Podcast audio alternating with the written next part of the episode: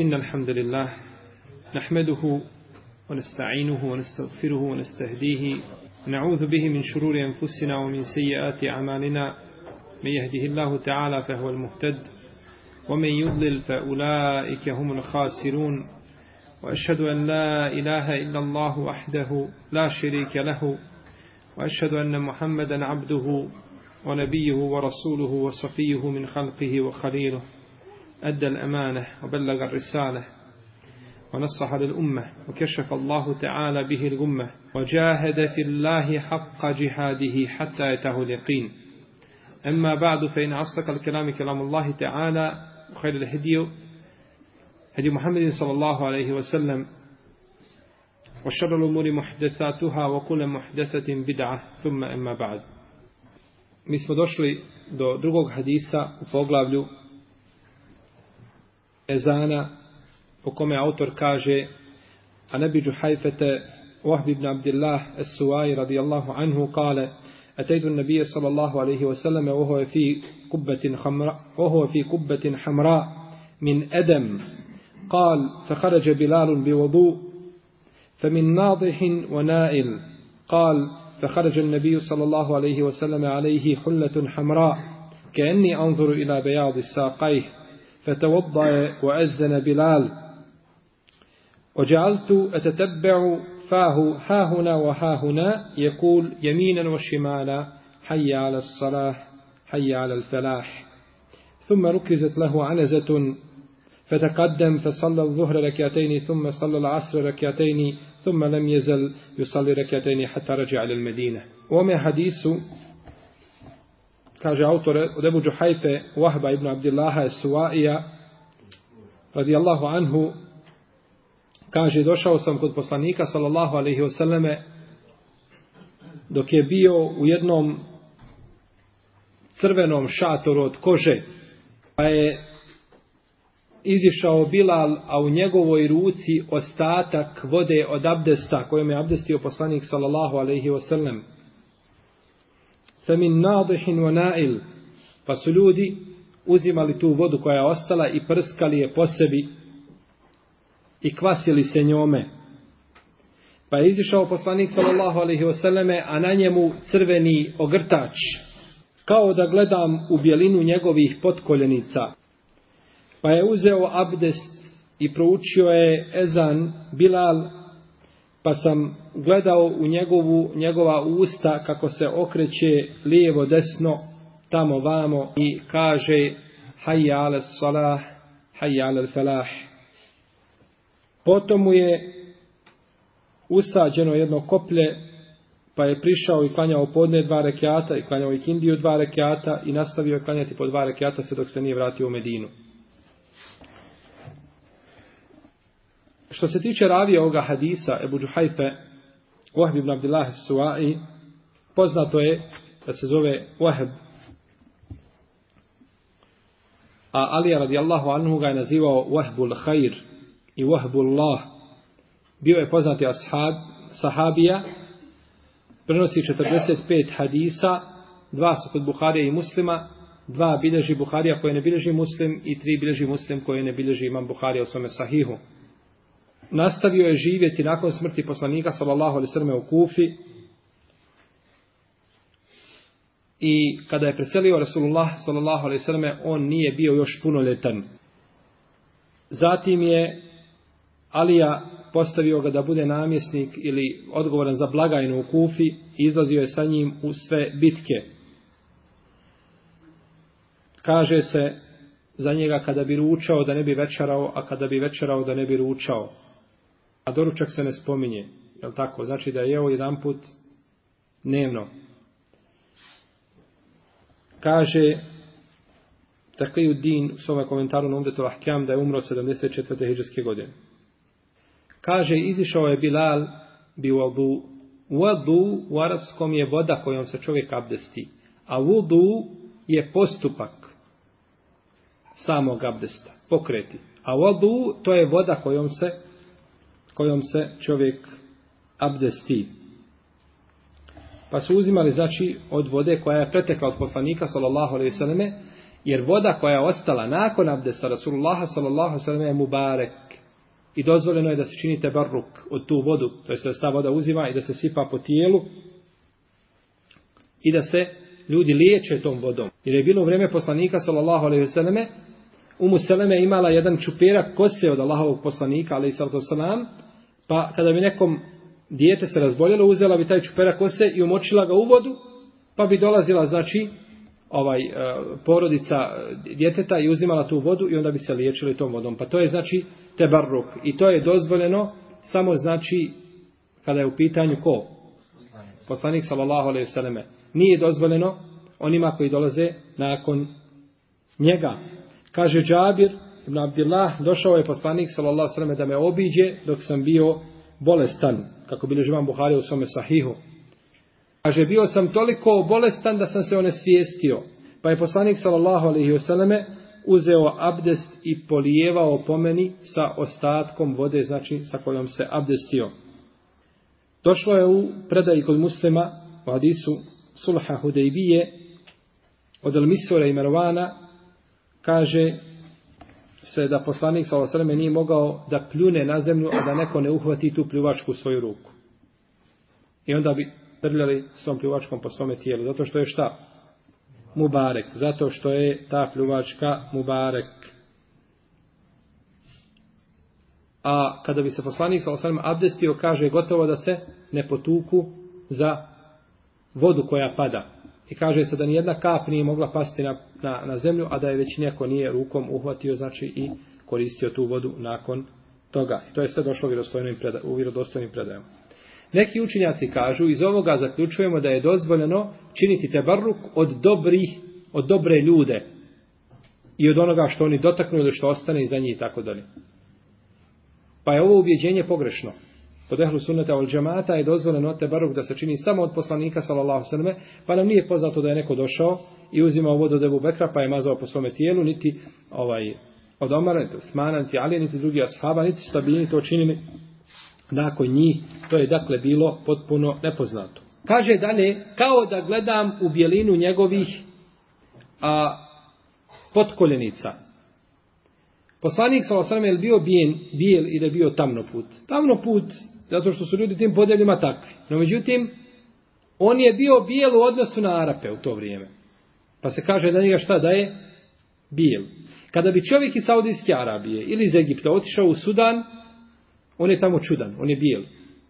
Iako on nije bijel u odnosu na nas, nego je tamno putno, međutim, kada se kaže da je poslanik sam bio bijel, misli se da je bio bijel u odnosu na ljude šta, koji žive u tom podneblju. Mi imamo ljude koji žive u našim podnebljima, na Balkanu, ali ćeš naći da je tamno put, misliš da je južnjak, je tako, negdje da je sa juga došao, od Turske pa na niže, je tako? A imate tako među njima ljudi koji su koji liče nama. Znači to je ta, to je ta razlika. Pa je ovdje znači ta bjelina ovaj djelomična ili, ili, je, ili je ograničena. I ome hadisu je dokaz da je poslanik sa imao kratku odjeću. Dok je vidio šta njegova njegove potkoljenice. Ako je duga odjeća bila i vukla se po zemlji, nije mogao šta vidjeti njegove potkoljenice. I to je tumačenje jedno, riječi Allaha te barake o ta'a, o ta'ala, o thijabeke fatahir, i odjeću svoju očisti, kaže se da je to šta? Da je to skraćivanje odjeće. Jedno od, jedan od tefsira. I došlo je da je došao dječak od Omara radijallahu anhu na smrtnoj posteli leži Omar i on došao sa dugom odjećom. Pa ga pita Omer, kaže, digni svoju odjeću, to je čišće za tvoju odjeću i za tvoje srce. Digni svoju odjeću. Pa je musliman dužan da odigne odjeću i ne smije mu odjeća padati ispod članka. Jer je poslanik s.a.v. vidio čovjeka koji ide ulicom i spustio odjeću, pa je trčao za njim i uhvatio ga, kaže digni odjeću, kaže Allahov poslaniče, kaže ja imam krive noge. Pa ga sramota, kaže irfa teubek fe inne kulle halqillahi hasan, kaže digni svoju odjeću. Kaže svako Allahovo stvorenje je lijepo. Svako Allahovo, tako kako taj uzvišeni Allah stvorio, Nije nas stvarao na isti kalup, nego ovaj je ovakav, ovaj je onakav i razlikuju se ljudi. I svako Allahovo stvorenje je lijepo. I došao je Omer ibn Abdillah, uh, Abdullah ibn Omar, došao je kod poslanika, sallallahu i pokucao na vrata, kaže, ko je, kaže, Abdullah. Pa je otvorio vrata pa je vidio da mu je odeća pala. Kaže, in kunta abdallah ferfa izarek. Ako si kaže zaista Allahov rob, onda digni svoju odjeću. Onda digni svoju odjeću. I ovo mnogi muslimani ovaj, igraju se sa ovim propisom, smatraju da je to nešto sitno, no međutim to je opasno. To je opasno. Kažu, to je samo zabranjeno iz oholosti. Poslanik sa osaleme kaže u hadisu koga bilježi imam Tabarani ibn Hibban, Ijake o ispale lizar, fe inne ispale lizar min mahile. Kaže, dobro se čuva ispuštanja odjeće, jer je spuštanje odjeće oholost. Šta kaže? Jer je spuštanje odjeće oholost. Pa ne možeš kazati, ja to ne činim iz oholosti, jer je samo spuštanje odjeće šta? Dok si spustio, upao si u to. Tako da je čovjeku najpreće da to digne. I šta je onda značenje hadisa poslanika sallallahu alejhi ve koga bilježi Abu Davud ima Malik kome, kome kaže Seubul mu'mini ila nisfi saq. Ila nisfi saq wala haraja ma ila el ka'bayn. Odjeća muslimana je do pola potkoljenice. A nema smetnje da se spusti do članaka. Šta razumijemo iz hadisa? Da ima smetnje ispod članaka, da nema. Da ima. Jer je to poslanik sam sam rekao, najbolje je do pola. No međutim, ako živiš u društvu gdje se to ne praktikuje, gdje, gdje, gdje, spusti do članaka. I zato je kod nas nije ispravno u našim podnevljima da čovjek digne odeći do pola e, one potkolnice i da hoda. To jeste sunnet. No međutim, ima i druga stvar koja je sunnet, a to je dokle. Do članaka. I ti digneš i onda pustiš da ljudi pričaju o tebi, da te ogovaraju, da ismijavaju vjernika, nemaš potrebe. Pouči ljude sunnetu pa onda praktikuj. Pa je onda bolje da se spusti odeća do članaka, a to je šta? Vid olakšice koji je došao u šarit. Ali ispod članaka ne treba, to je čišće i bolje. U njemu je dokaz da potkoljenica, u hadisu je dokaz da potkoljenica nije šta? Avret. Da nije stidno mjesto. Jer dok je gledao, znači, u potkoljenicu poslanika, sallallahu alejhi nije stidno mjesto. I to nema razilaženja da je potkoljenica, da nije stidno mjesto kod muškaraca. Kod žena je jasna situacija. No, međutim, kod muškaraca je to, znači, ne smatra se avretom. Osim kada bi neko gledao sa šehvetom, sa prohtjevima, tada je zabranjen pogled. U ome hadisu ima jedan problem. Kaže se da je Bilal izlazio sa ostatkom vode od abdesta. Jel u redu? Pa kaže, pa je izišao poslanik sallallahu alaihi sallam pa se abdestio. Kaže, fetavodda je o ezene Bilal. Pa se abdestio i pručio ezan Bilal. Pa zašto se abdestio drugi put? Ako se abdestio, ako je ostatak vode bio, zašto se abdestio drugi put? Neki kažu, vjerojatno da je poslanik Osame izgubio abdest. Pa se ponovno abdestio. Ili je želio da obnovi još jedan put abdest da bi ashabi koristili tu priliku šta da? Da se blagos, jeli, da, da, da koriste tu vodu ili ostatak od abdesta. Ili ovaj da se kaže da je značenje hadisa Fetevoddaje wa ezdene Bilal, pa je uzeo abdest i proučio ezan Bilal da se abdestio ko? Bilal, a ne poslanik sa osam. Pa se abdestio, znači je hadisa bilo, pa je izišao poslanik sa osaleme, Bilal se abdestio i učio šta?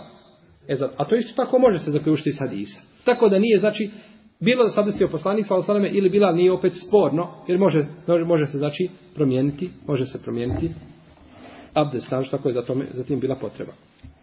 Pa sam gledao u njegova usta kako lijevo desno se okreće i kaže hajja ale salah, hajja ale falah. Okretao se desno i lijevo i tako je govorio. U ome hadisu je dokaz da Moezin kada uči ezan da se okreće lijevo i desno. Da se okreće lijevo i desno. I okretanje biva samo glavom, samo vrat. Prsta dva stavi u dva uha i okreće samo glavu. Znači samo vrat okreće, a tijelom ostaje usmjereno prema kible. I to danas većina mujezina ne praktikuje. Prave tu grešku, okreću i tijelo i stopala od kible. Ispravno je da samo okrene vrat lijevo i desno. Tako je činio, kada se ovdje okretao je svoj vrat ili usta lijevo, lijevo i desno. I kaže se u hadisu, koga bileži Ebu Davud, i kaže za njega vame Neovi i šeh Albani da je vjerodostojan, volem jestedir i ne bi okretao svoje tijelo ne bi okretao svoje tijelo. Tako da nema vjerodostojne predaje o okretanju tijela. Ima predaja da se okretao, ali ne kaže se šta. Šta je onda okretao? Glavu. Da bi pomirio predaje. Nemoguće u jednoj predaje kaže ne ok, nije se okretao, u drugoj se okretao. Ne, okretao je znači glavu, sa njom je vrtio lijevo desno, ali nije znači svoje, nije pomjerao svoje tijelo. I pomjeranje tijela nema nikakve, znači osnove u sunnetu poslanika, sallallahu sallam, nego treba ostati usmjereno prema kibli. Isto tako je stopala, znači ostaju, kako kaže vam šafija, ostaju usmjerena prema kibli i neće i nikuda muezin okretati lijevo ili desno. Ovo izgovaranje hayya ala salah, hayya ala falah, može se izgovoriti na više načina, kod uleme spoznata najčešće dva tumačenja. Da se kaže na desnu hayya ala salah dva puta, pa na lijevo hayya ala falah dva puta. Ili da se kaže na desnu hayya ala salah i da se na lijevo kaže hayya ala salah. I da se kaže na desno hayya ala falah i da se na lijevo kaže hayya ala falah. To bi bilo šta? Kombinovano. Znači, jedan od dva načina, iako je poznato, znači da se na desno kaže hayya ala salah, a na lijevu hayya ala al falah. Potom je usađeno koplje poslaniku, sallallahu alaihi selleme znači da klanja prema koplju. I u ovome a, hadisu je dokaz da je koplje, znači da je klanjanje pri a, koplju sunnet, odnosno praksa poslanika, sallallahu alaihi wa alaihi wasallame. Kaže neka ulema da je ovo koplje, koplje kojim je Zubeir, Zubeir ibn al-Awam, ubio Ubejdu ibn Sa'ida ibn al-Asa na Bedru. Kada ga je ubio, Zubeir ibn al-Awam, kada je ubio Ubejdu, tražio je poslanik sallallahu s.a.v. to koplje od njega, pa mu ga je dao. Pa kada je preselio poslanik sallallahu s.a.v. on je to koplje uzeo sebi ponovo. Pa ga je tražio Ebu Bekr, pa mu ga je dao. Pa kada je umro Ebu Bekr, uzeo ga je nazad. Pa ga je tražio Omar, pa mu ga je dao. Pa kada je Omar ubijen, ponovo ga je uzeo. Pa ga je tražio Osman. Pa kada je Osman ubijen, ponovo ga je uzeo. Pa ga je dao, pa je nakon Osmana, oprosto, došao je u porodicu, do porodice, do porodice Alije radijallahu anhu, pa je došao Abdullah ibn Zubair, njegov sin, i tražio to koplje, pa je ostao, kod njega to koplje ostalo dok nije preselio. Kaže neko da je to bilo to koplje koje je, znači, ovaj, kojim je ubio, jeli, a, a, kojim je ubio Zubair Ubejdu ibn Sa'ida ibn Asa. I klanjao je dva rekiata dok se nije vratio u Medinu.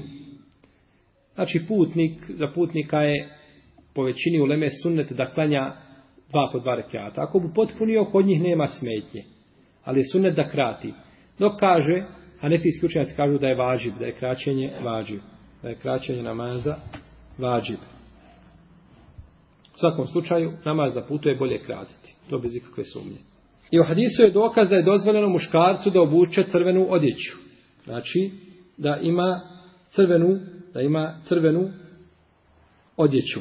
I po pitanju crvene odjeće ima nekoliko mišljenja. Ibn Hajar je ispomio u svome dijelu Fethul Bari. Jedno mišljenje da je dozvoljeno općenito. Bez ikakve ograničenja. Drugo mišljenje da je zabranjeno općenito. Nikako se crveno ne smije oblašiti. Ovo se prenosi od Selefa. Treće mišljenje da je mekru. Četvrto mišljenje da je mekruh ako se radi a, o tome da se čovjek ističe među ljudima i ako želi da se ukrašava posebno sa njim. Znači po nijetu. Peto mišljenje je da je zabranjeno ako je obojano sa bojom koja se zove El Muasfer.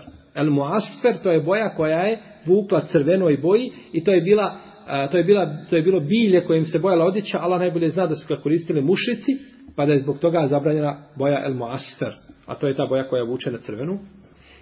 I šesto mišljenje da je a, zabranjena crvena boja ako je čisto crvena.